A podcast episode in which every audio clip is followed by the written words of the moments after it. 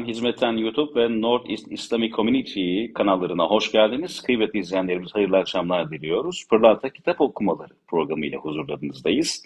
Hatırlayacaksınız 15 günde bir değerli misafirlerimizle Doktor Yüksel Çayıroğlu Beyefendinin e, müellifi olduğu, çıkarmış olduğu, hazırlamış olduğu büyük emeklerle ve uzun süreçte hazırlamış olduğu bir fikir ve aksiyon insanı olarak Fethullah Gülen Hoca Efendi kitabının mütalasını ve özetini çıkarmaya gayret ediyorduk.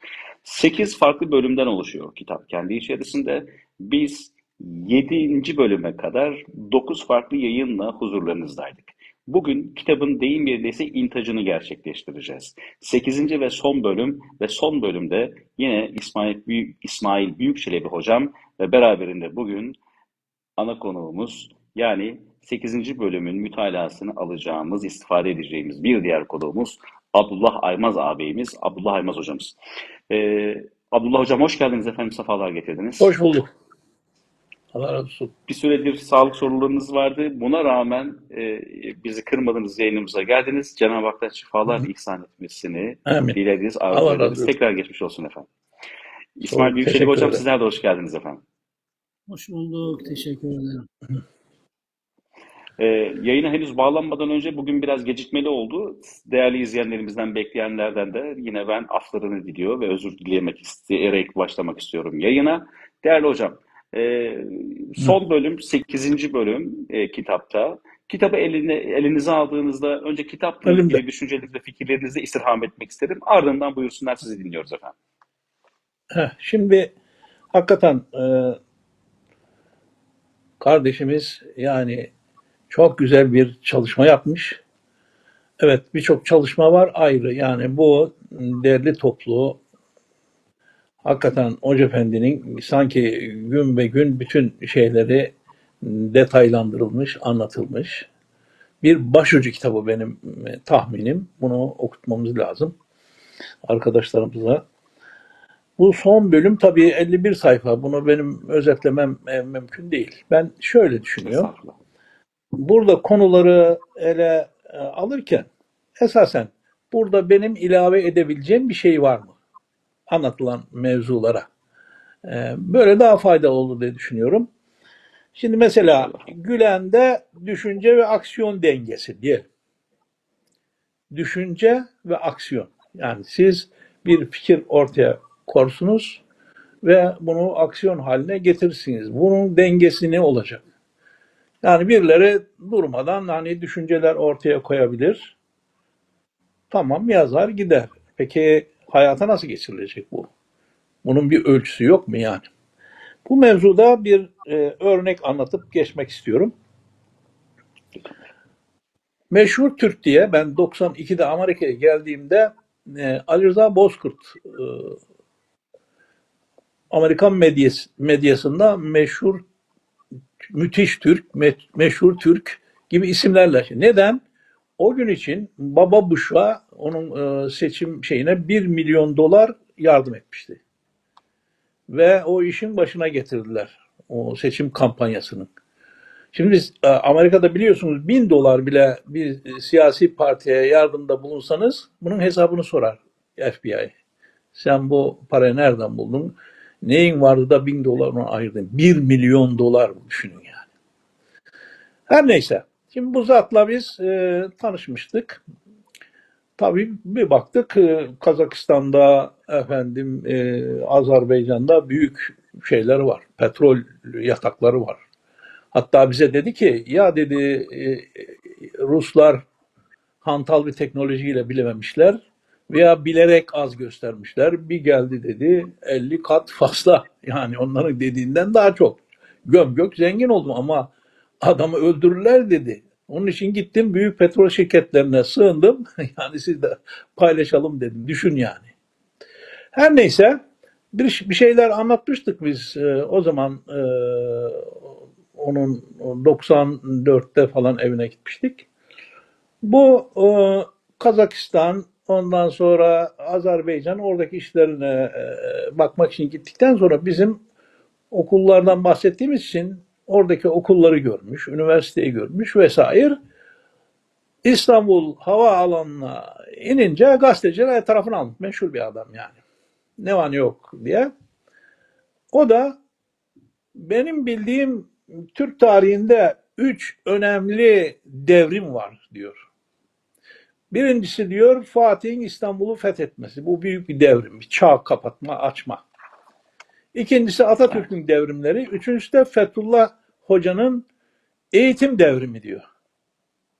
Bu e, gazeteler şeyde televizyonlarda yayınlandı. Bunun üzerine bizim doktor e, Profesör Osman Özsoy gitti bununla tanıştı ve bizim Samanyolu televizyonuna çıkardı. Orada görüştük. E, Daha sonra evine ziyarete gittik. Onun İstanbul'da iki tane yalısı var.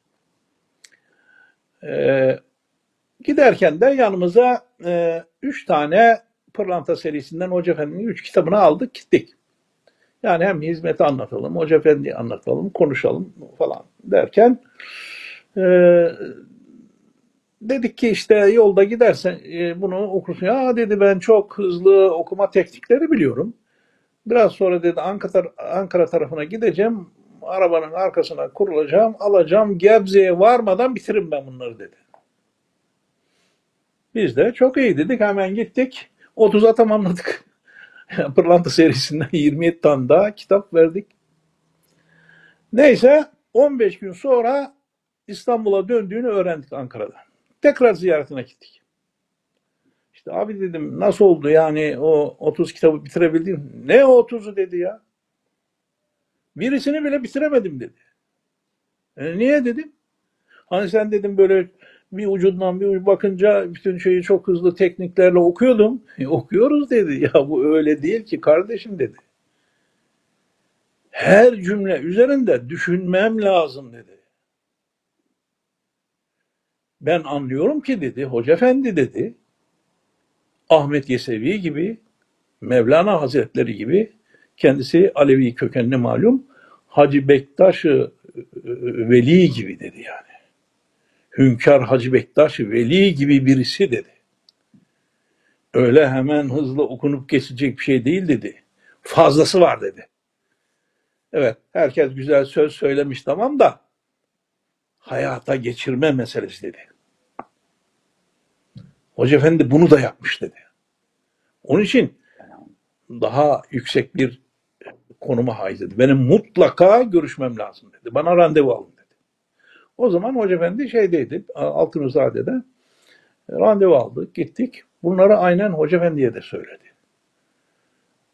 Hatta eğer dedi bize şey yaparsa Hoca Efendi ben dedi çünkü Bush'un danışmanlarındandı yani Orta Doğu, Kıbrıs vesaire şeylerinde de o partiden aynı zamanda.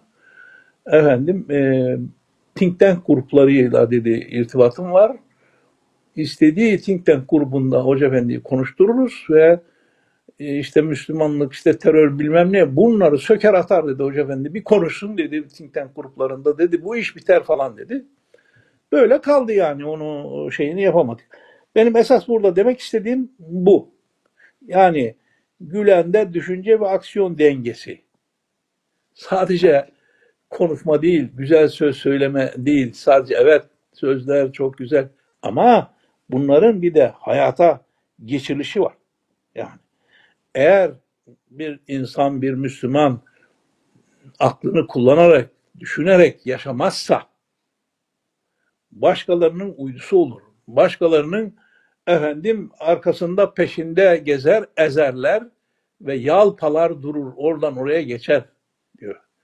Ve bu bir ayetin de aynı zamanda şey geçen gün İsmail hocamdan sormuştum ben hafız değilim. Ee, Yunus suresinin 100. ayet. Akıllarını çalıştırmayanları Allah pislikte bırakır. Pislik azabı verir. Rich kelimesi var orada hakikaten yani. Aynen Hoca Efendi'nin dediği gibi yani. Evet. Eğer e, şeye e, kendi e, akıllarını akıl yürütme, aklı çalıştırma şeklinde kullanmazlarsa onun bunun uydusu olur ve e, yanlış bir yolda gitmiş olur diyor. Şimdi bir başka e, mesele Hoca Efendi'nin bir hizmet planı ta baştan var mıydı? Başlık böyle yani. Bunların hepsi ta baştan planlanmış mıydı? Şeklinde. Şimdi burada da Allah razı olsun e, arkadaşımız Yüksel Bey çok e, ince araştırmalar yapmış. E, Yani bir başta bir cemaat fik bir cemaat kurayım fikri falan bunlar yok. Ha ama bir hayal dünyası var. Bir düşüncesi var. Efendim zaten şeyler böyle gelişir. Sizin hiçbir hayaliniz yoksa olmaz. Yani önce nedir? Tahayyül bir şey hayal edersin. Sonra tasavvur gelir. Onu tasarlarsın, daha belirgin hale getirsin. Sonra diğer safhaları olur. Ha. Ama ta Hoca Efendi işte ta, ta baştan bütün olacakların böyle bir planı önündeydi falan e, bu yok. Ama gene Hoca Efendi'nin hatıralarını okursak kendisinin ta kurşunlu medreselerinde okurken bile yani ta o zamanlardan e, hayali bütün İslam dünyası, Selçuklu, Osmanlı, o ülkeler, oralar bir zaman söz sahibi idik. Yani o günler e, olabilir mi, hayal mi? Eğer biz de çalışırsak, biz de e, gayret gösterirsek Allah bize de bir şeyler nasip eder. E, bu düşünce var. Bunu geliştiriyor. Bakın bizim Sezai Bey var. E, saplak arkadaşlar tanır. E, İsmail Hocam daha iyi tanır. O NASA'da çalıştı bir dönem. Sonra bize dedi ki NASA'nın dedi yaşlı profesörleri demişler ki ya biz teknolojinin bu kadar gelişeceğini tahmin etmiyorduk. Esas geliştiren Hollywood'dur. Yani bizden teknoloji nereye geldi, son durumu nedir bunu öğreniyorlardı ve bundan sonra da şunlar olabilir diye senaryo yazıyorlardı. Yani hayallerini yazıyorlar. Biz de onların bu şeyini, e, bu hayallerini, ha, ha bak bu olabilirmiş, bu adamlar senaryo yazmış, üzerinde çalışarak şey gelişti. Teknoloji gelişti yani. Bilim gelişti. E Şimdi hayal etmezsen, tasavvur etmezsen nasıl gelişecek yani? E, Hoca Efendi'nin de hayatına baktığımız zaman bu gelişme hayalde İslamiyet güneşin doğup battığı her yere gidecek. Bu, bu buna göre bir ana fikir var elbette yani. Ama teferruatı bunlar nasıl olacak, ne olacak? Bunlar zamanla, tecrübelerle, bilimle, imkanların e, olmasıyla falan olacak şeyler yani. Onun için hani bazılarının e, tabi burada şöyle de bir şey olabilir Allah korusun. Hani yani proje mi acaba? Proje adam mı yani? Birileri bir şeyde öyle bir şey yok. Haşa. Yani. Ama biz 60 senedir neredeyse tanıyoruz yani. Adım adım bu işler nasıl gelişti, ne oldu? Yani sancı ve dert doğurgandır. Sancınız, derdiniz varsa şey çıkar yani. Şimdi e, sempozyumlar oluyor. Efendim e, İstanbul'da bizim e, İrfan Bey Hoca Efendi'ye dedi ki hocam dedi yeni bir şey yok bunlar aktarıyorlar hep dedi yani. Orijinal bir şey yok dedi. Hoca Efendi dedi ki ıstırap, sancı, dert yeni bir şey buldurur dedi. Buradan, buradan aktarmayla falan bu işler olmaz dedi. Şimdi bir derdim varsa, bir ızdırap varsa efendim ne olacak bu Müslümanların hali, bu insanların hali? E, bunun için neler yapmak lazım? Siz bunu içinizde duyarsanız Allah size bir şey ilham eder, e, şeyinizi açar, önünüzü açar yani. Evet.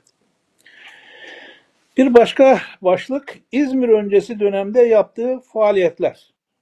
Yani Hoca Efendi hemen İzmir'e geldi, faaliyete başladı değil. Ondan önceki dönemlerde de var Hoca Efendi'nden başlayalım. Efendim Edirne'de, Kırklareli'nde e, olduğu dönemlerde de hiç boştu Hoca Efendi yani. Allah'ın verdiği bütün imkanları en güzel şekilde kullanarak o gün için ne yapabilecekse onları yapmış yani. Şimdi e, 1966'da İzmir'e geldi. O sene, o yaz e, tabii e, İzmir İmam Hatip ve İlahiyat Öğrenci Yetiştirme Derneği İmam Hatip'ten farklı ayrı bir şey. Yazları yani o yurtta kalabilmemiz için bizim yazları iki ay, iki buçuk ay e, kurslar olur. İzmir Kestane Pazarı'nda yani. Onlara katılmazsanız şey yapamazsınız. Yani e, yurtta kalamazsınız. Herkes gelir mecbur. Fakat 67'de bir zelzele geçirdi. Ben hala gözümün önündedir böyle namaz kılıyorduk. Kestane Pazarı caminin duvarı geldi gitti böyle gördüm yani.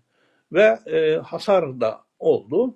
Onun için o yaz şey e, tatil edildi. Öğrenciler neye? E, tamirat görecek. E, kestane pazarı, yurt, diğer şeyler. Onun için de Hoca Efendi e, bizi dört arkadaş Edirne'ye gönderdi.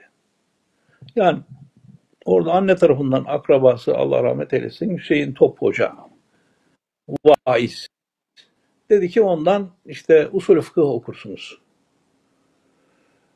E, müftü de yokmuş. E, Hüseyin Top Hoca aynı zamanda müftülük vazifesinde e, yerine getiriyor. Biz orada Hoca Efendi'nin daha önce Edirne'deyken e, kaldığı e, evde kalıyoruz. E, fakat tabii Serhat şehri Edirne istihbarat kaynıyor. Yani orada. Bir hafta sonra da Hoca Efendi bunlar ne yapıyor diye e, gelmiş. Gelince de iyice peşine düştüler. Dolayısıyla bizim de peşimize düştüler. Dolayısıyla tahmin ediyorum Hüseyin e, Top Hoca'ya da e, bir şeyler fısıldadılar ki o da çekindi yani. Ders vermek istemedi. Biz de ne yaptık? Orada eski cami var. Eski caminin iki imamı var. Bir hafta birisi, bir hafta birisi. Ekrem Hoca diye bir çok bilgili hakikaten e, Hoca Efendi'nin de tanıdığı e, bir hocayla biz yapacak bir şey yok. Köyleri geziyoruz, dolaşıyoruz yani oralarda. E, ve hakikaten e, Hoca Efendi çok işler yapmış oralarda, e, Edirne'de yani İzmir'le başlamamış bu iş yani. Orada da e, ne yapmış? İşte Büyük Doğu dergisini, ondan sonra efendim Hür Söz e, gazetesini efendim orada mesela 5 satıyorsa 20'ye çıkarmış, gayret etmiş. E, tahmin ediyorum Şule dergisi o günlerde e, çıkıyordu zannederim. Onları efendim sonra Komünizmle Mücadele Derneği İzmir'de kuruldu. Saffet Sulak e, Allah rahmet eylesin onun şeyinde ama onun şeylerini Erzurum'da da oralarda da kurmuş. Necip Fazıl gibi meşhur e, konferans verecek bir şey meşhur insanları davet etmiş mesela. Oralarda konferans verdirmiş. Kendisi de yazılar yazmış. Şimdi e, gençler için evler tutmuş. İki tane Edirne'de, iki tane bir tane de Kırklar elinde ve bunlarla meşgul olmuş. E, Darül Hadis'te efendim ders vermiş. Gençlere İslami bilgiler vermiş. Kötü alışkanlıklardan uzak dursunlar diye onlarla ilgilenmiş. Yani hiç boş vakit geçirmemiş. Yani e, mesela İzmir'le başlamıyor yani. Oralarda ha, Allah ne imkan verdiyse o imkanları en rentable şekilde değerlendirmiş yani. Evet, Hoca Efendi'nin hizmetin gelişip inkişaf etmesindeki e, rolü.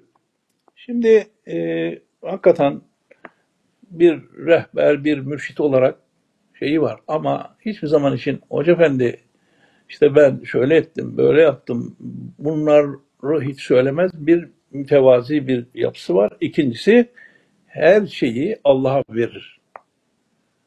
Yani halakaküm ve ma ta'melun sizi ve amellerinizi yaratan Allah'tır esasına göre efendim e, insana ayrılacak bir şey yok. Ne, ne önde hizmet hiç vermez şey yani. Bunlar yap, bunlar etti falan filan meselesi değil. Bu Allah'ın bir lütfudur. Bütün insanların bu orada emeği olan esnaf, öğretmen, herkesin şeyiyle efendim bu güzel hizmetler Allah'ın inayetiyle meydana gelmiştir diye e, orada da gene bir tevhid anlayışı e, şeydir. Hatta şimdi bazı abilerimiz hatırlayabilirler. Yamanlar'da bir toplantı olmuştu. E, Birçok insan, çok kalabalıktı yani. Bir abimiz e, hizmeti anlatıyordu ve hizmeti İzmir'den başlattı. E, normal hani Hoca Efendi var, bizim hizmet anlatılıyor. Sonra Hoca Efendi kalktı, dedi ki bu hizmet bizimle başlamadı. Üstad var, üstadın talebeleri var. Ne büyük fedakarlıklarla bu emanet bize geldi. Biz de bize düşeni yapmaya çalışıyoruz dedi. Yani orada ben bu konuşmaya şahidim yani. Efendim e, şeyi e, kendisine vermediği gibi şahıslara da vermez. Ayrıca şimdi Hoca Efendi İzmir'e geldi 28 yaşında düşünün. O günlerde Pekmez abi de askerden gelmişti ya. O da tabii girişken bir insan Kestane Pazarı idarecileri, Ali Rıza Güven amcalar e, bunu sevmişler. Çünkü tuttuğunu koparan, koşturan, eden samimi bir insan yani netice itibariyle. Tabii Hoca Efendi'nin konuşmaları, hali, tavrı tam Hoca Efendi de böyle hayran yani. Neyse kendi anlattı. Dedi ki biz askerden geldikten sonra emekli bir albay veya yarbay bilemiyorum bir subay bizi çağırdı. Dedi ki evladım işte görüyorsunuz bak solcular azıttı. Bu ülkeyi komünistlere teslim edecekler. Efendim eee, şimdi e, bunları önlemek lazım. Sizin gibi vatansever gençleri biz yetiştirelim. E, bunların faaliyetlerini durduralım. Bizi eğitti ve başına bunların 40 kişi eğitiyor. Başına beni getirdik. Nerede bir sol faaliyet varsa gidin e, bunları dağıtın. Biz diyor duyduk işte kordon boyunda heykelin orada e, solcuların toplantısı varmış. Ben ekibi topladım gittim. Sofalar böyle şeyde diyor koltuğumuzda. Efendim bekliyoruz. Herkes de benim işaretimi bekliyor. Hemen dalacağız adamları e, döveceğiz dağıtacağız oradaki şeyler. Bir baktım diyor. Daha ilk sene yani. Hoca efendi geliyor diyor. Neyse yanıma geldi. Ne yapıyorsun burada? "E, dövüşmeye geldik dedim diyor. Siz dövüşmüyorsunuz, siz dövüştürülüyorsunuz demiş Hoca Efendi. Ne dö Bayağı dövüşüyoruz. Hayır öyle değil demiş. Sen bunları tanıyor musun demiş. Bu solcu falan dediğin adı tanımıyorum. Hiç oturup konuştun mu? Konuşmadım. Düşüncelerinden haberin var mı? Bilmiyorsun. Peki sen bu memleketin ordusu var, jandarması var, polisi var. Görevli misin? Değil. Ya birileri kullanıyor sizi demiş yani. Siz burada dövüşeceksiniz sağ sol kavgası. Efendim e, vay işte ülke gidiyor gençler birbirini öldürüyor deyip darbe yapacaklar demiş. Yani. Sizi kullanıyorlar demiş ya. Kafaya çalıştırsan ya sen. Tanımadığın adamın dövmeye kalkıyorsun. Bir şey de konuşmamışsın. Bilmiyorsun da. Kandırılmışsınız siz demiş. Böyle şey olur mu? Git sen buradan demiş. Ya diyor gideyim de 40 kişiyi nasıl ikna edeceğim? Git demiş. Peki sen niye geldin dedi diyor Hoca Efendi. Merakımdan geldim ben de yanlış yapmışım. Ben gidiyorum zaten demiş. sen de git. Yaş kaç abicim? 28 ya. Yani dünya olaylarından efendim yapılan ihanetlerden falan haberi var. Çünkü düşünen bir insan. Bu ülke ne olacak? İnsanlık ne olacak? Onun için olayları düzgün, doğru okuyor yani. Evet, Evet hocam. sırayla gidiyoruz. Hizre, e, diyor ki hizmetin Liderliği. idaresinde Heh, bir şey var mı? Evet Hizmetin hocam. E, ida- hoca buyursunlar. E, idaresindeki rol ve konumu diyor. Burada e, şimdi e, Yüksel kardeşimiz Allah razı olsun çok güzel tespitlerle diyor ki tabi hizmet bu kadar büyüdü. Dünyada birçok meraklı insan, araştırmacı, efendim akademist. Hoca Efendi ziyarete geliyorlar. Şimdi geliyorlar, kampa geliyorlar mesela. Bakıyorlar Allah Allah. Herkes kitap okuyor, dua ediyor, namaz kılınıyor. Yani normalde bu kadar dünya çapında bir hizmetin departmanları olur, bilgisayarlar çalışır, insanlar çalışır, bütün dünyada ne oluyor, ne bitiyor, ondan sonra efendim durmadan raporlar verilir. Böyle bir şey yok. Yani böyle zannediyorlar. Geliyorlar ve hayrette, hayretler içinde kalıyorlar sonra. Böyle bir iki gün kalınca yapılan işlere bakalım. Namaz, dua, tesbihat, millet bir kenarda bir şey okuyor. Efendim sohbet başka bir şey yok.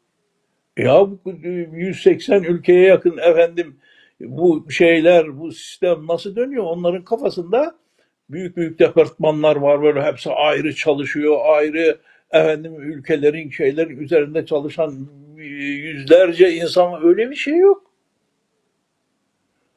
Hayretler içinde kalıyorlar. Yani burada esas nedir? Hoca efendi bir mürşittir, bir alimdir, bir düşünce adamıdır. Ana fikirler efendim ortaya konduktan sonra zaten o işi seven, Hoca Efendi'nin isabetli işler yaptığına inanan insanlar onları geliştirir kendisi. Yani yukarıdan bir şey dayatacaksın o öyle değil.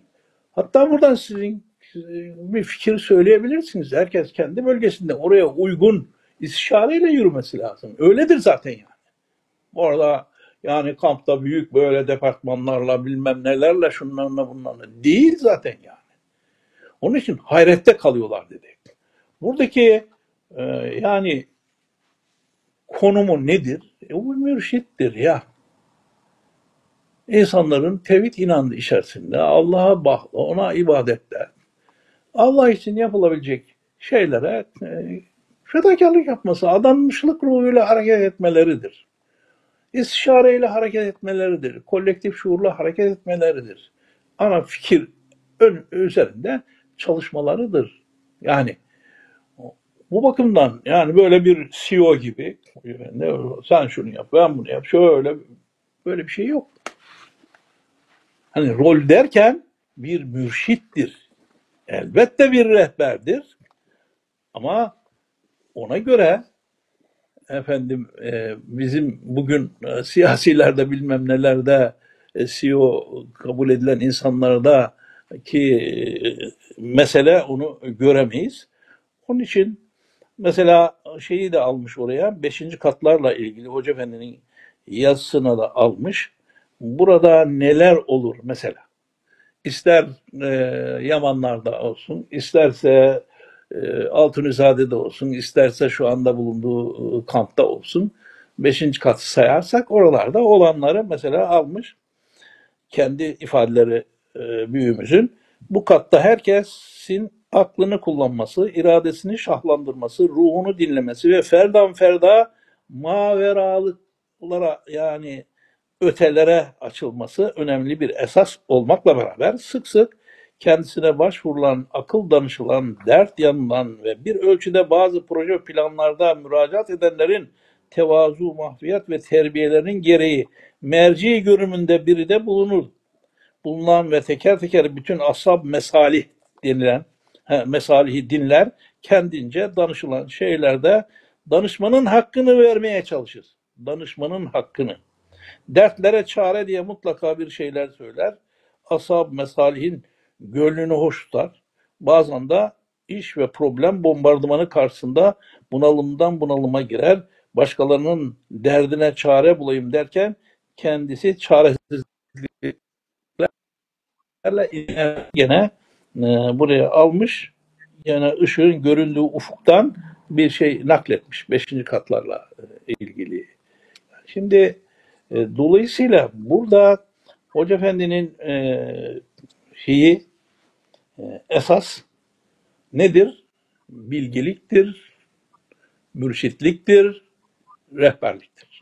Bakın şimdi ben bir olayı anlatayım. 1997'de Georgetown Üniversitesi'nden Esposito profesör. O üniversitenin Orta Doğu o, defa, şeyinin dekanı yani o bölümün. Bu zat Türkiye sempozyuma gelecek.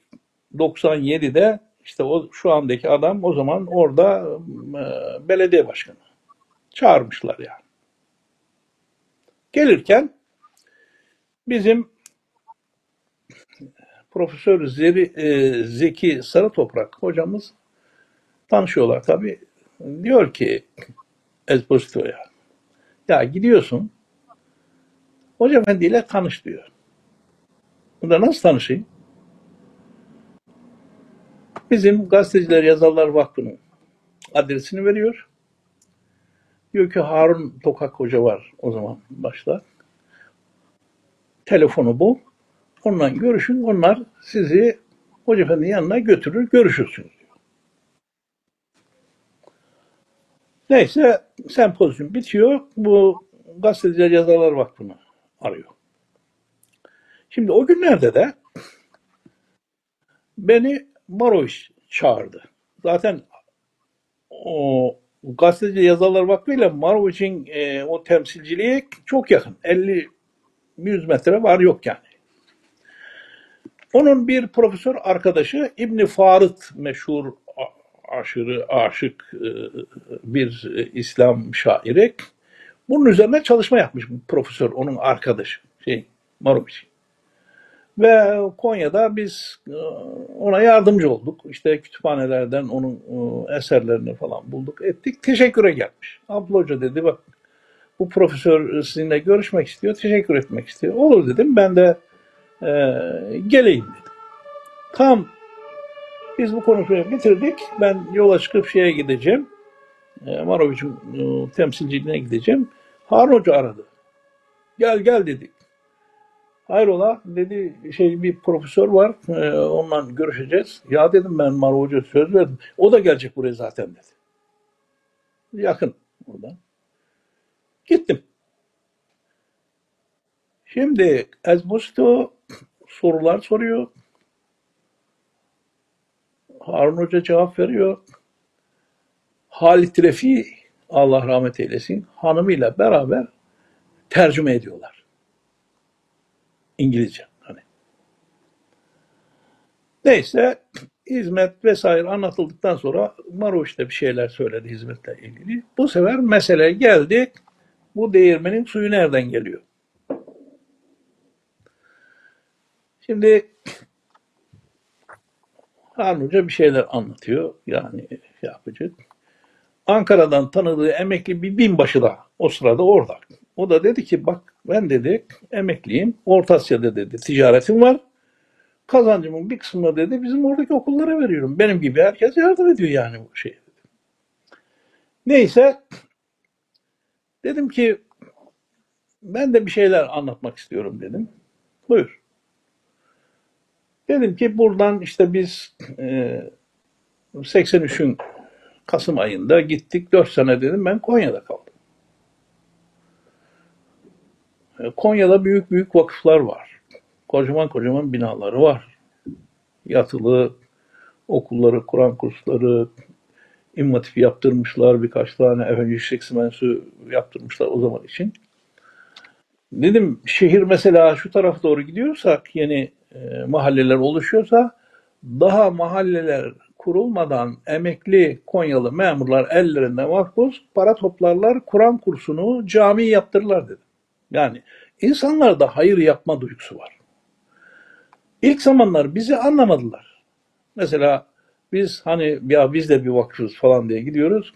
Caminiz var mı? Yok. Kur'an kursunuz var mı? Yok. İmmatip yaptırdınız mı? Yok. E Konyalı niye bize destek versin? Hani yani o hale geldik ki vakfın efendim e, telefon e, ücretlerini ödeyemez hal değil, çok sıkıntılı bir dönemiz.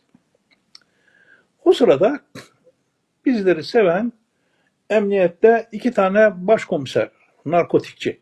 Onlar da hizmeti seviyorlar, geliyorlar, gidiyorlar. Bizim de halimizi görüyorlar.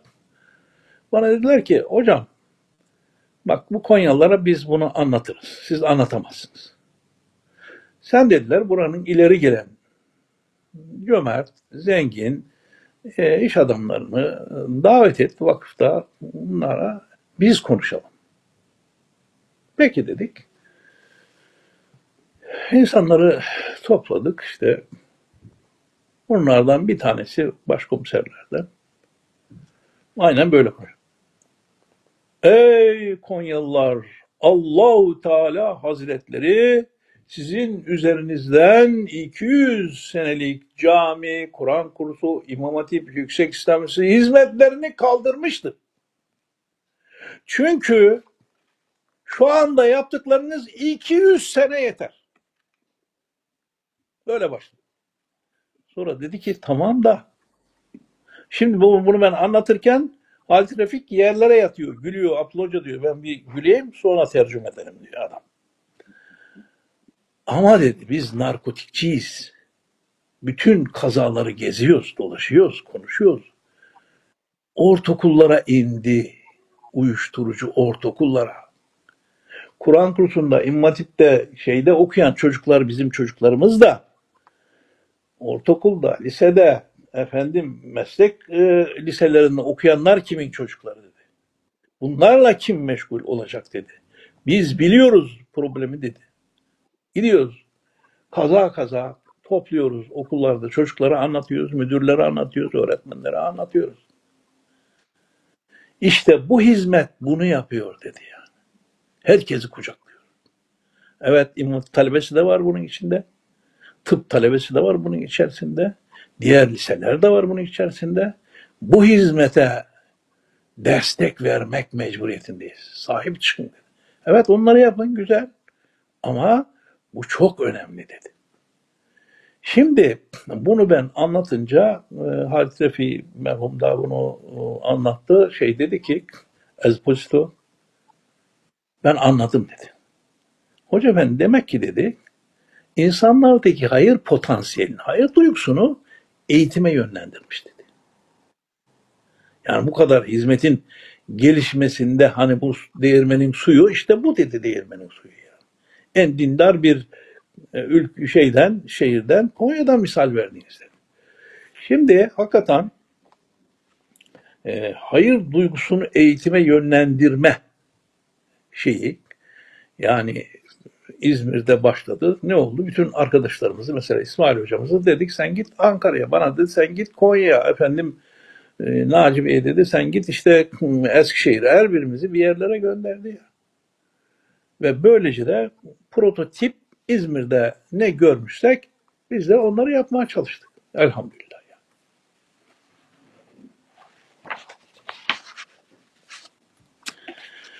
Şimdi bir başlık Hoca Efendi'nin liderliği. Evet hocam. Tabii e, liderlik deyince e, dünyada liderlik ölçüleri var.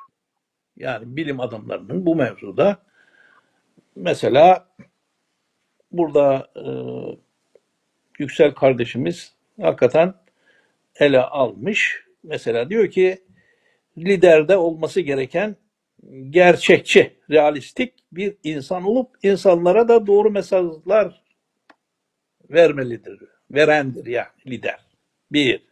İki, hem cesur bir tabiata hem de güçlü bir iradeye sahip olmalıdır. İki, tamam. İnsan hayat ve toplumla ilgili gerginliklere rağmen ümidini koruyabilmelidir liderin. Tam lider budur. Dört, sorumluluğunun olası engellerin, zorluklarının farkında olmalıdır. Sürekli bilinçli bir şekilde proje ve aktiviteler üzerinde çalışmalı. İleri görüşlü ve hedeflerini iyi belirleyen bir kişilik, bir şahsiyet sahibi olmalı. Öğrencilerini ve arkadaşlarını çok iyi tanımalı ve onları hedef ve arzularına ulaşma noktasında harekete geçirebilmeli. Tamam. Sekizincisi dünyalık hırslara sahip olmayan, otoritesini suistimal etmeyen anlayışa sahip. İşte lider budur diyor. Dört tane öl, öl, iki tane ölçü. Mesela bizim e, Avustralya'daki Salih Yücel arkadaşımız da liderlik için Efendimiz ve sahabelerden misal olarak hizmetkar liderlik, sahabe anlayışını ortaya koymuş. Hani hangi anlayışı ortaya koyarsak koyalım, ölçülere bakıyoruz, bütün vasıflar var Hoca Efendi'nin üzerinde. Liderlik vasıfları var. Şimdi bakın, ben size bir olay anlatayım. Lütfen. Bilimsel tarafından daha çok hissi olarak ya. Konya'ya gittiğimde yani bu e, o bölgeye bakıyorum ben eğitim hizmetleriyle meşgulüz. Bir doktor arkadaş var. Çok fedakar. Görevlerinin dışında cumartesi pazarları arabası da var. Çek dolaşıyor onunla. Ya sen dedim nasıl hizmeti tanıdın? Nasıl yani şakir oldun manasını? Dedi ki biz muhafazakar, milliyetçi, siyasi bir görüşe sahiptik. Tıp fakültesinde okuyoruz. Kızla erkekli hakikaten hep muhafazakar arkadaşlarımız, kardeşlerimiz var. İmtihan zamanı bizim benim kaldığım evde ders çalışıyoruz. Yorulduk. Dedim ki ben size bir çay yapayım. Bir de benim benim küçüğüm bir kardeşim var Ege Üniversitesi'nde okuyor. Orada bir evde kalıyormuş. Oradan bir hoca efendi diye birisi vaaz ediyormuş. Onun vaazlarından bana kasetler gönderiyor. Benim de hoşuma gidiyor. Çay içerken de dinleriz. Dedim. Olur dediler. Açtık diyor. Artık Kabe baskını mıydı neydi bilmiyorum. Çok heyecanlı bir şey. Hoca efendi konuşuyor. Kız arkadaşlardan birisi dedi ki ya sen ne hocası ne vaizi lan lider bu. Liderlerin lideri bu. Bir erkek olsaydım dizinin dibinden ayrılmazdım. Sen ne diyorsun ya ne vaizi kardeşim? Şu konuşmaya bak, şu heybete bak. Bakın bu hissi bir şey. O zaman diyor ben de ulan bu kız başına bildi de ben mi bilemedim bu şey? Ben de Şakir olacağım dedim. Ondan sonra diyor kendimi hizmet işinde buldum. Şimdi bu bir ilmi bir ölçü mü bu? Hayır. Çok güzel konuştu. Ama o samimiyet, o tesir, o iştenlik, o samimiyet, efendim o derinlik nasıl demek ki kavradı ki kız başına diyor ki ulan gider dizinin dibinde oturdum. Lider bu oğlum diyor ya. Ne hocası diyor. Şimdi diğer bütün ilmi ölçüler vesaire tamam ama bir de bu tarafı var. Ruhlar tanıyor bunu kardeşim ya. Liderliği konusunda ha, lider midir değil midir şüphesi olan onu kendine ait bir şey. Evet. Hoca Efendi'nin e, toplumsal problemlere duyarlılığı ve kriz yönetimi diye Hocam bir burayı e, ikiye ayırma şansımız var mı? O duyarlılık neyi? konusunu hem hem Türkiye hem dünya açısından değerlendirsek, öyle istirham etsek sizden. Şimdi zaten Türkiye'de de krizler yaşandı. Hocam, Türkiye dışında da evet. evet, Yüksel Hocam zaten e, bunları almış eline e, ve hakikaten çok güzel Allah razı olsun bunlar başucu kitabı ya gerçekten yani. Bunları almış. Şimdi biz e, şeylere bakalım. Biz, daha çok tabii burada ne var? Ee, Türkiye içi e, problemler birinci derecede ele almış. Şimdi bakın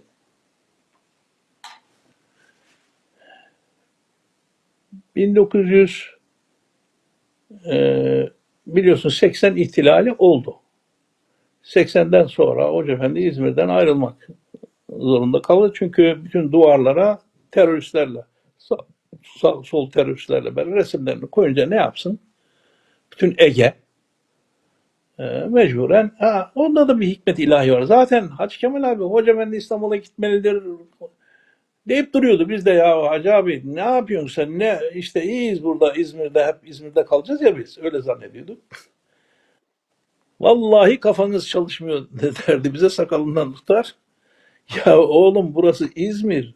İstanbul'a gitse hoca efendi hizmet 10 kat artar kafanız çalışmıyorsun derdi bize yani. Neyse e, üstad gibi hoca efendi gibi insanlar da eşyaya, binaya, şeye karşı dahi vefa vardır. Ayrılmak istemezler yani. Kader zorlar öyle giderler yani. Öyle diyeyim yani. Hoca efendi de gitmek istemiyordu yani. Ne pekmezci abi, ne bizler, ne esnaf. İzmir dışında kafamızda bir şey yoktu ya. Neyse.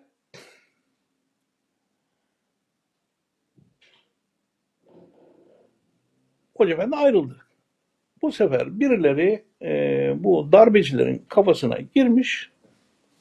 İşte bütün o zamanki İslami hizmetler, vakıflar, derneklerin bütün mallarına el koyun. Darbe zaten e, istediklerini yapıyorlar. Efendim bunları e, vakıflara dahil edersiniz. Devletin kontrolünü bunların elinden alın denmiş. Tabi bunu duyunca Hoca Efendi o zor şartlarda Türkiye'nin ileri gelen bütün cemaat liderlerine gitmiş. Bize anlattı sonra. Hepimiz bizi Ankara'da topladı. İsmail Hocam iyi bilir. Böyle bir yağmurlu, sisli puslu bir e, gündü. Dedi ki herkese gittim dedim ki ya bakın yarın millet bizden hesabını sorar bunun. Ya sizle biz işte şey yaptık, cami dediğiniz yaptık, Kur'an kursu dediğiniz yaptık, yurt dediğiniz yaptık. Niye bunları tutamadınız derler. Onun için dedim ki onlara yani o cemaatlerin, bu o talebe yetiştiren şeylerin e, gidelim. Bunlar Müslüman evladı bu darbeciler de olsa. Bunların anaları, babaları, akraba, talukatları, sevenlerini bulalım. E, anlatalım. Bu dini bir hizmet. Onların da imanı var, şeyi var. Bak böyle olursa bunlar çarçur olur, yazık olur. Bu kadar talebe şeyde kalır. Bunlarla bunlara manevi baskı yapalım, yapmasınlar. El koymasınlar. Dedi ki hiç kimse oralı olmadı dedi hoca efendi. Gittim dedi hepsinin kapısını çaldım dedi. E yapacak bir şey yok. Gelin dedi dua edelim dedi. Ankara'da topladı. İsmail Hoca hatırlarsın sen yani. Hatırlıyorum, Ne hatırlıyorum. yapacağız? 4444 salat tefriciye değil mi İsmail Hocam? Evet. Okuyacağız. Taksim ettik. Benim aklımda kaldığına göre her birimize 125 mi 128 mi neyse işte ya kaç kişi olduğumuz dahi çıkabilir oradan. Yani 4444 şey bakılırsa. Başladık okuma. Okuyoruz, okuyoruz. Biraz sonra bulutlar gitti, güneş çıktı. Tabi tevil hadise göre bu iyi bir alamet. İnşallah bu problem hallolur denildi. Hakikaten iyi bir insanmış o e, bu işlerde görevli almış bunu sümenin altına koymuş. Şeylerde unutmuş darbeciler orada kaldı yani o. Ama bu duayı yaptı. Kapı kapı dolaştı. Yani çare düşündü. Esbabına tevessül etti yani. Şimdi buradan alalım da şimdi Türkiye'nin malum işte belli problemleri var. Yani e, Güneydoğu maalesef ihmal edilmiş bir bölge. Yani buralardaki e, insanlar niye dağa çıkıyor, ne oluyor? Bunlarla ilgili Hoca Efendi'nin emin ol reçeteleri var. İdarecilere sundu. Hükümettekilere sundu. Ya bunları şöyle yapın, böyle yapın. Bak orada asırlardır süren şeyler var. Medreseler var. Onlar hakikaten dini doğru anlatan, bildiren, alim, fazıl insanlar var. Yani bunlara bir de destek verilsin, bunların konumuna uygun bir şey yapılsın.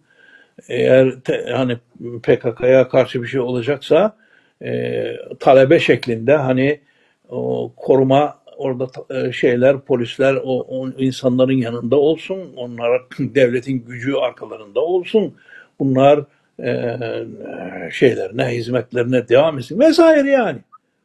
Oraya iyi e, dindar namazını kılan camiye giden valiler efendim emniyet müdürleri polisler falan tayin edilsin gibi. Yani e, çare olabilecek gerçekten çok şeyler teklif etti. Bunun dışında bakın orada kolejler açıldı, orada üniversiteler açıldı, orada hizmetin yani. Ha bir de bunun yanında esas 300 tane okuma salonu açıldı, okuma. Yani parası yok, koleje gidemez, efendim şeye gidemez, üniversite kursuna gidemez.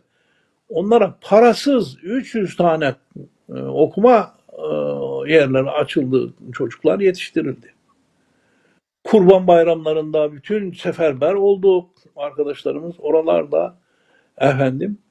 Ayrıca oradan kardeş okul mesela şeydeki devlet okullarından Güneydoğu'daki bizim kolejlerle batıdaki kolejlerle kardeş yapıldı. Onlar getirildi götürüldü. Yani bir kaynaşma olsun diye yani. Yani o olaylar karşısında çok fevkalade dua, duyarlı. Duyarlı tamam da e, çareler ortaya koymak esas yani. Bunların hepsiyle ilgili o o krizleri aşacak gerçekten e, çok güzel şeyler yaptı, yaptırdı, teşvik etti ve bunlar e, yani hayal değil, oldu bunlar yani. Elhamdülillah.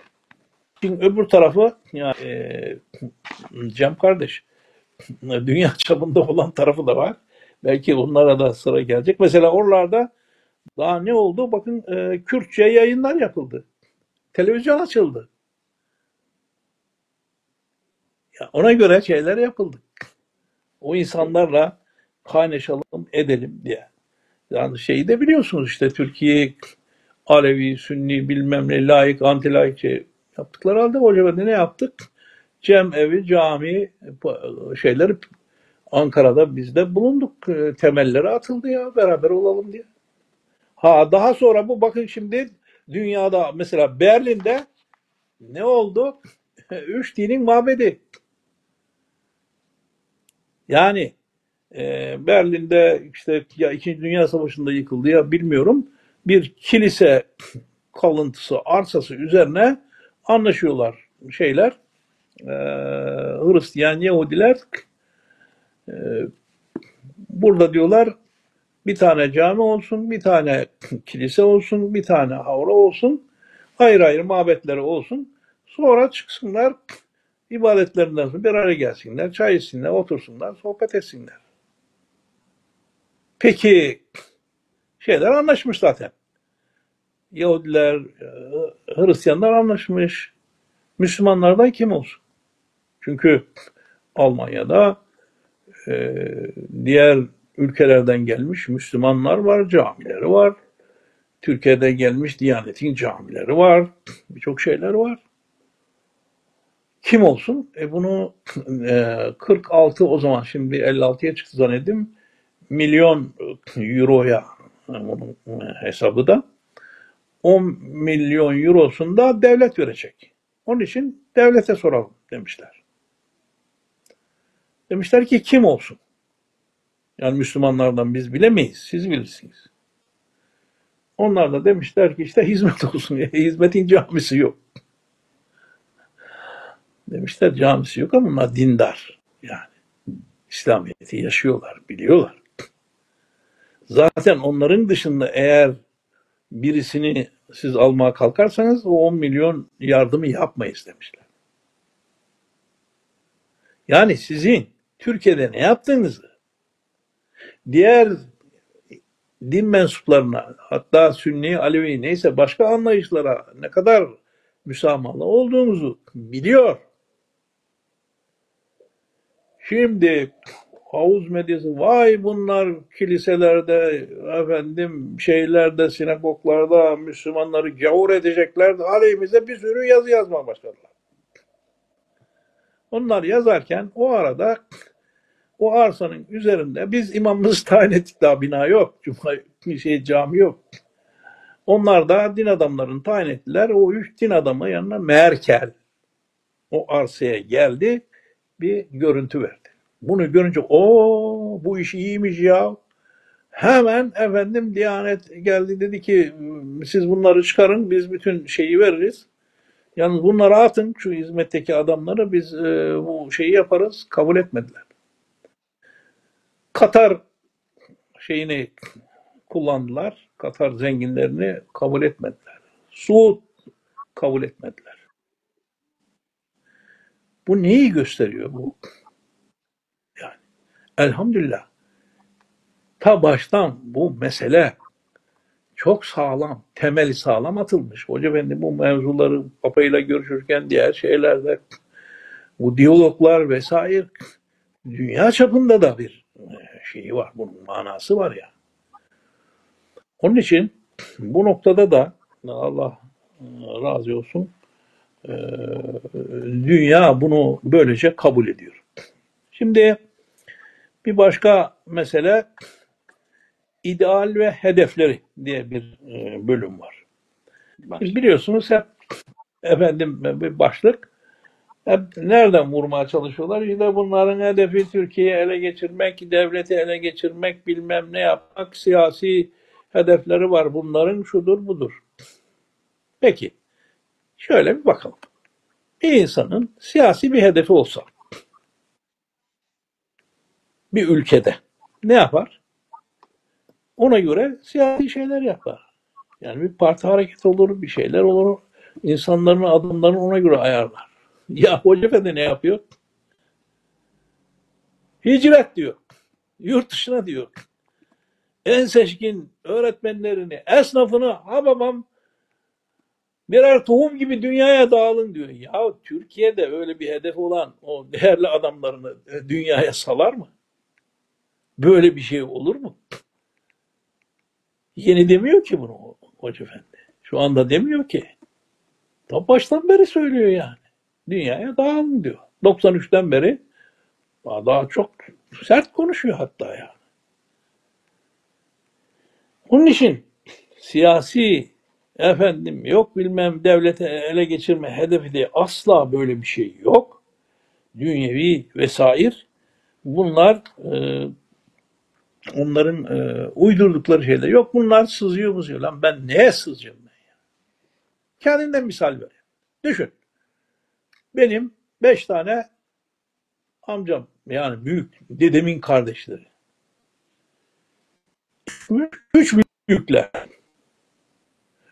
Ali amcam Çanakkale'de vuruldu. E, topal geldi. Şu dedem ta şeylerden efendim Filistinlerden o şeylerden burada Kurtuluş Savaşı'nda bu saçmalar duruyordu. Biz çocukken oynardık yani. Onun küçüğü Rasık amcam Kanal Savaşı'nda İngilizlerle savaşmış adam senelerce işte şey, şeylerini çekti duru. E bunlar büyük amcalarım. Babamın büyük amcam Talip Çavuş sıhhiye çavuşuydu. Şeyde hastalandı geldi ve ondan vefat etti. Babam köyümüzün doktoru gibiydi. Onbaşı, sıhhiye onbaşı. O da senelerle senelerce çekti işte şeyden askeriyeden getirdiler bunlar. E ama bizim çocuklara subay olamaz. Sızma. Ne, ne sızması ya? Biz o ülkenin insanıyız ya. Ben dışarıdan mı geldim sızdım. Ama yasak bize. Benim gibi herkese yasak. Siz kimsiniz o zaman? Sizin neyiniz var? Türkiye için ne yaptınız? Dedeleriniz ne yaptı bilmem neyi. Sızan sizsiniz ya. Şimdi hizmeti hizmetin insanlarını kötüleyerek bunlar sızıyor bilmem tehlike kendi esas şeylerin devletin gücünü ele geçirip istedikleri gibi kullanır e, şekle gelmişler. Böyle efendim e, kendi ideallerini, hedeflerini, siyasi menfaatlerini hizmete güya böyle bir şey varmış gibi göstermek suretiyle e, hizmeti dolayısıyla Hoca Efendi'yi kötülemeye çalışıyor. Şimdi arkadaşlar her şeyi burada konuşamayız. Ne bilmiyorum ben. Bu bitmez mi? Cem.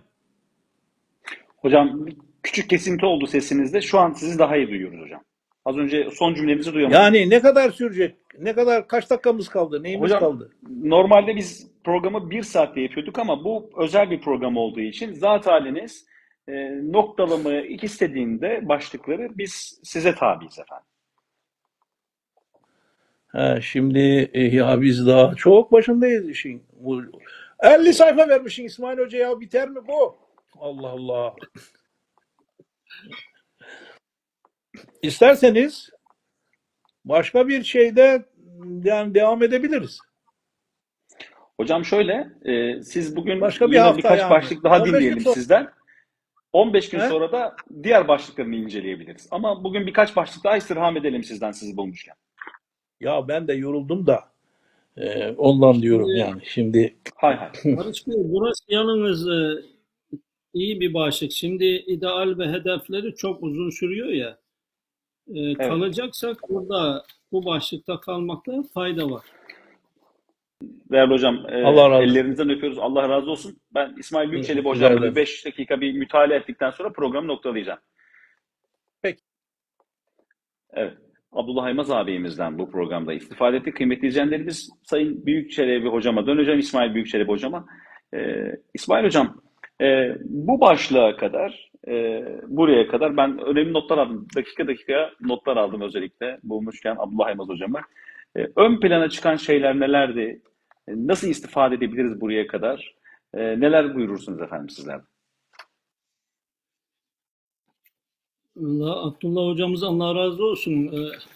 Ee, e, Böyle açıklamaya ihtiyaç duymayacak şekilde güzel misallerle çok güzel anlattı. Mesela şimdi Ali Rıza Bozkurt'tan e, verdiği o misal harika. Hani e, Hoca Efendi'nin kitabını bir tane bile bitiremedim. Çünkü her cümlesi üzerinde durmam lazım, düşünmem lazım. Hoca Efendi Mevlana gibi bir insan, Hacı Bektaş Veli gibi bir insan artıları var. Nedir bu artısı? Aksiyon.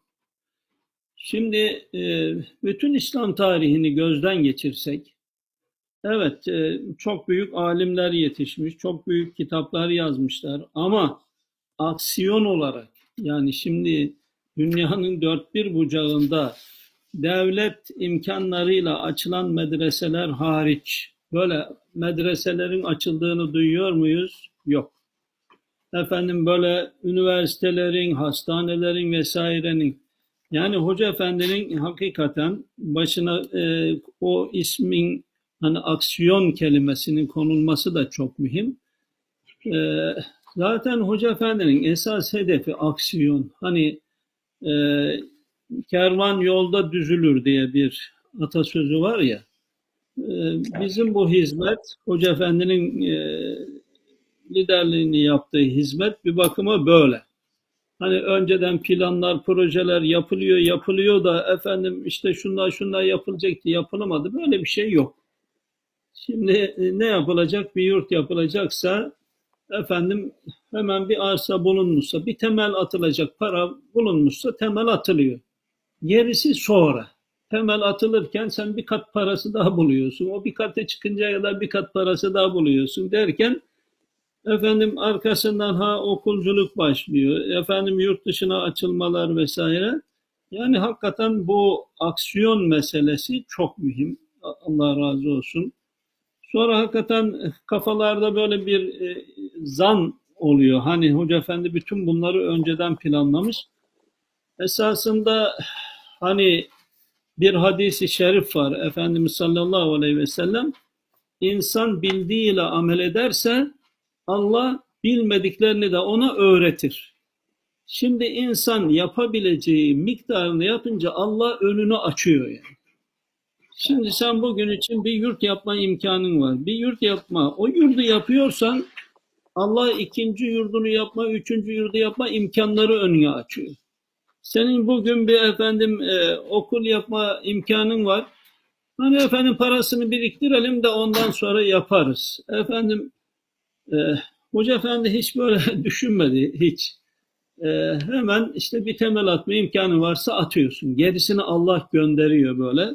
Hani önceden böyle planı pro- projesiler böyle dizilmiş de ondan sonra artık arka arkaya bunlar tatbik edilmiş değil. Yapılabilecek her şeyi Hoca Efendi hiç vakit geçirmeden, hiç vakit fevt etmeden anında yapmış, yapmış, yapmış ve Allah önünü açarak büyütmüş gitmiş yani. Şimdi burada Hoca Efendi'nin hakikaten bu e, Yüksel hocamız Allah razı olsun bize Hoca Efendi'nin hayatından böyle alabileceğimiz ibretli durumları da böyle çok ön, gözümüzün önüne e, sermiş. E, bu mühim taraflarından birisi bence hani Hoca Efendi'nin liderliğini anlatırken Hoca Efendi e, böyle bizim anladığımız manada bir parti lideri gibi, efendim bir devlet lideri gibi hani her şeyi böyle adım adım teferruatına kadar takip eden hani o şeyi misal verdi. Hakikaten biz de aynı şeylerle karşılaştık burada yani. Gelenler şaşırıyordu. Ya burada Hoca Efendi bu işleri kiminle yürütüyor? Hani onlar zannediyormuş ki Hoca Efendi'nin olduğu yerde 20 tane 30 tane birim vardır. Bunların başında elemanlar vardır. Avrupa ile biri alakalanıyordur. Asya ile biri alakalanıyordur. Afrika ile eğitimle biri alakalanıyordur. Geliyorlar bakıyorlar Allah Allah kimse yok. Şimdi Hoca Efendi'nin özelliklerinden birisi çevresine itimat etmesi. Bu çok mühim. Ama tabii bu herkesi sıradan herkese itimat etme manasında değil. Hoca Efendi ferasetiyle seçeceği insanları çok iyi seçip, iyi seçip, efendim e, tam emaneti ehline teslim ettikten sonra her hususta da her şeyi bana soracaksın, her şeyden benim haberim olacak. Böyle bir şeysi yok yani. Bir hedef veriyor Hoca Efendi. Eğitime mi ağırlık verilecek? Efendim sağlığa mı e e ehemmiyet verilecek? fakir insanlara yardıma mı ehemmiyet verilecek? Şimdi mesela Hoca Efendi anlattı ya Abdullah hocamız. Sizler de bilirsiniz Güneydoğu'ya ne kadar kurbanlar gidiyordu. En zengin abilerimiz, iş adamları yüzlercesi kurbanda Güneydoğu'ya gidiyordu. Orada ev ev et dağıtıyorlardı yani. Sonra o insanları kendi şehirlerine davet ediyorlar. Orada misafir ediyorlardı. İşte kardeşlik böyle elde edilir. Oradaki problem böyle halledilecekti ama maalesef anlamadılar hocamızı, dinlemediler, dinlemediler. Şimdi mesela Hoca Efendi e, kurbanlarımızı imkan nispetinde Güneydoğu'ya götürelim. Oradaki fakir ailelere dağıtalım. Hoca Efendi'den çıkan budur yani. Ondan sonra İstanbul şöyle yapsın, Ankara böyle yapsın, yok İzmir böyle yapsın, şu kadar insan gitsin, on, Ankara şu şehre gitsin, efendim İzmir bu şehre gitsin. Gerisini onun işte vazifelendirdiği arkadaşlarımıza güveniyor, itimat ediyor, onlar yapıyor. Şimdi 170 ülkeye hizmetler dağılmış. Hoca Efendi'nin hangi ülkede kaç okul var bunları filan bilmez yani. Hani arkadaşlar gelir anlatır filan ama hani Hoca Efendi'nin önünde bir defterler var da burada hangi ülkede neler var yazılıdır, edilidir. Güven meselesi yani. Güven çok mühim bak. Şimdi bazı insanlar e, kendi çocuğuna bile güvenmez. Bazı iş adamları da vardır öyle. Her şeyi kendi tutmaya kalkar. Efendim muhasebesine kadar vesaire ve bunlar büyüyemez yani. Bunlar bir Anadolu küçük bir esnaf olarak kalır gider. Hoca Efendi'nin e, hakikaten böyle çok şey taraflarını çok güzel tespit etmiş böyle örnek alınacak taraflarını ve kafalardaki istifamları da izale edecek şekilde Allah razı olsun. Ben e, bilhassa bundan sonraki bölüm üzerinde inşallah gelecek haftaki, gelecek programın sonunda biraz oraya arkadaşlarımızın dikkatini çekmeye çalışacağım. Hani e, bu kitap sadece Hoca Efendi'yi tanıtma değil de bizim de e, başarılı olabilmemiz için takip etmemiz gereken e, planı, projeyi önümüze koymuş yani elhamdülillah. O yönü çok mühim ve e, bu işleri yürütürken de e, önümüze çıkabilecek bir kısım böyle maniaları da nasıl aşacağımızı, bunları da Hoca Efendi tabii e, ilminin, irfanının sayesinde hani Kur'an'dan, hadisten, efendim diğer taraftan usulü fıkhın bütün e, e, usullerini kullanmak suretiyle yani hani usulü fıkıhta çeşitli kaideler vardır. Yani kıyas gibi, icma gibi onun ötesinde istihsandır, settü zerayidir, mesalih-i murseledir, örftür. Hoca Efendi bütün bunları da kullanarak önümüze çıkabilecek bütün maniaları da nasıl aşacağımızı da orta önümüze koymuş. Binaenaleyh Allah'ın izniyle, inayetiyle bize koşmak düşüyor Barış Bey. İnşallah. İnşallah Cenab-ı Hak hocamızın çizdiği bu güzel e, yolda hayatımızı değerlendirmek cümlemize nasip eylesin. Amin. Allah sizlerden razı Değerli hocam olsun. bu kitap bir kitaptan çok bir medrese oldu bizlere. E, Cenab-ı Hak Evet. istifadeye medar kılsın. Sizden istifade etmek, Abdullah Aymaz hocamdan da bundan önceki misafirlerimizden de istifade etmek bizim için büyük bir şah, büyük bir bahtiyarlık oldu. Diğer bölümü heyecanla bekliyoruz. Nasipse iki hafta sonra için İnşallah. planladık. Ayın 27'sinde değerli hocam. İnşallah. İnşallah. Allah razı Peki. olsun. Çok teşekkür ederim. Bilmukabele. Allah razı olsun kıymetli hocam. İsmail Büyükçelebi hocamı da dinledik. Kıymetli izleyenlerimiz Pırlanta kitap okumalarından North East İslamik ve Hizmetten Mecraları olarak. Bir sonraki programda beraber olacağız. Allah nasip ederse. Tekrar görüşünceye değin. Kitapla kalınız. Hoşçakalınız.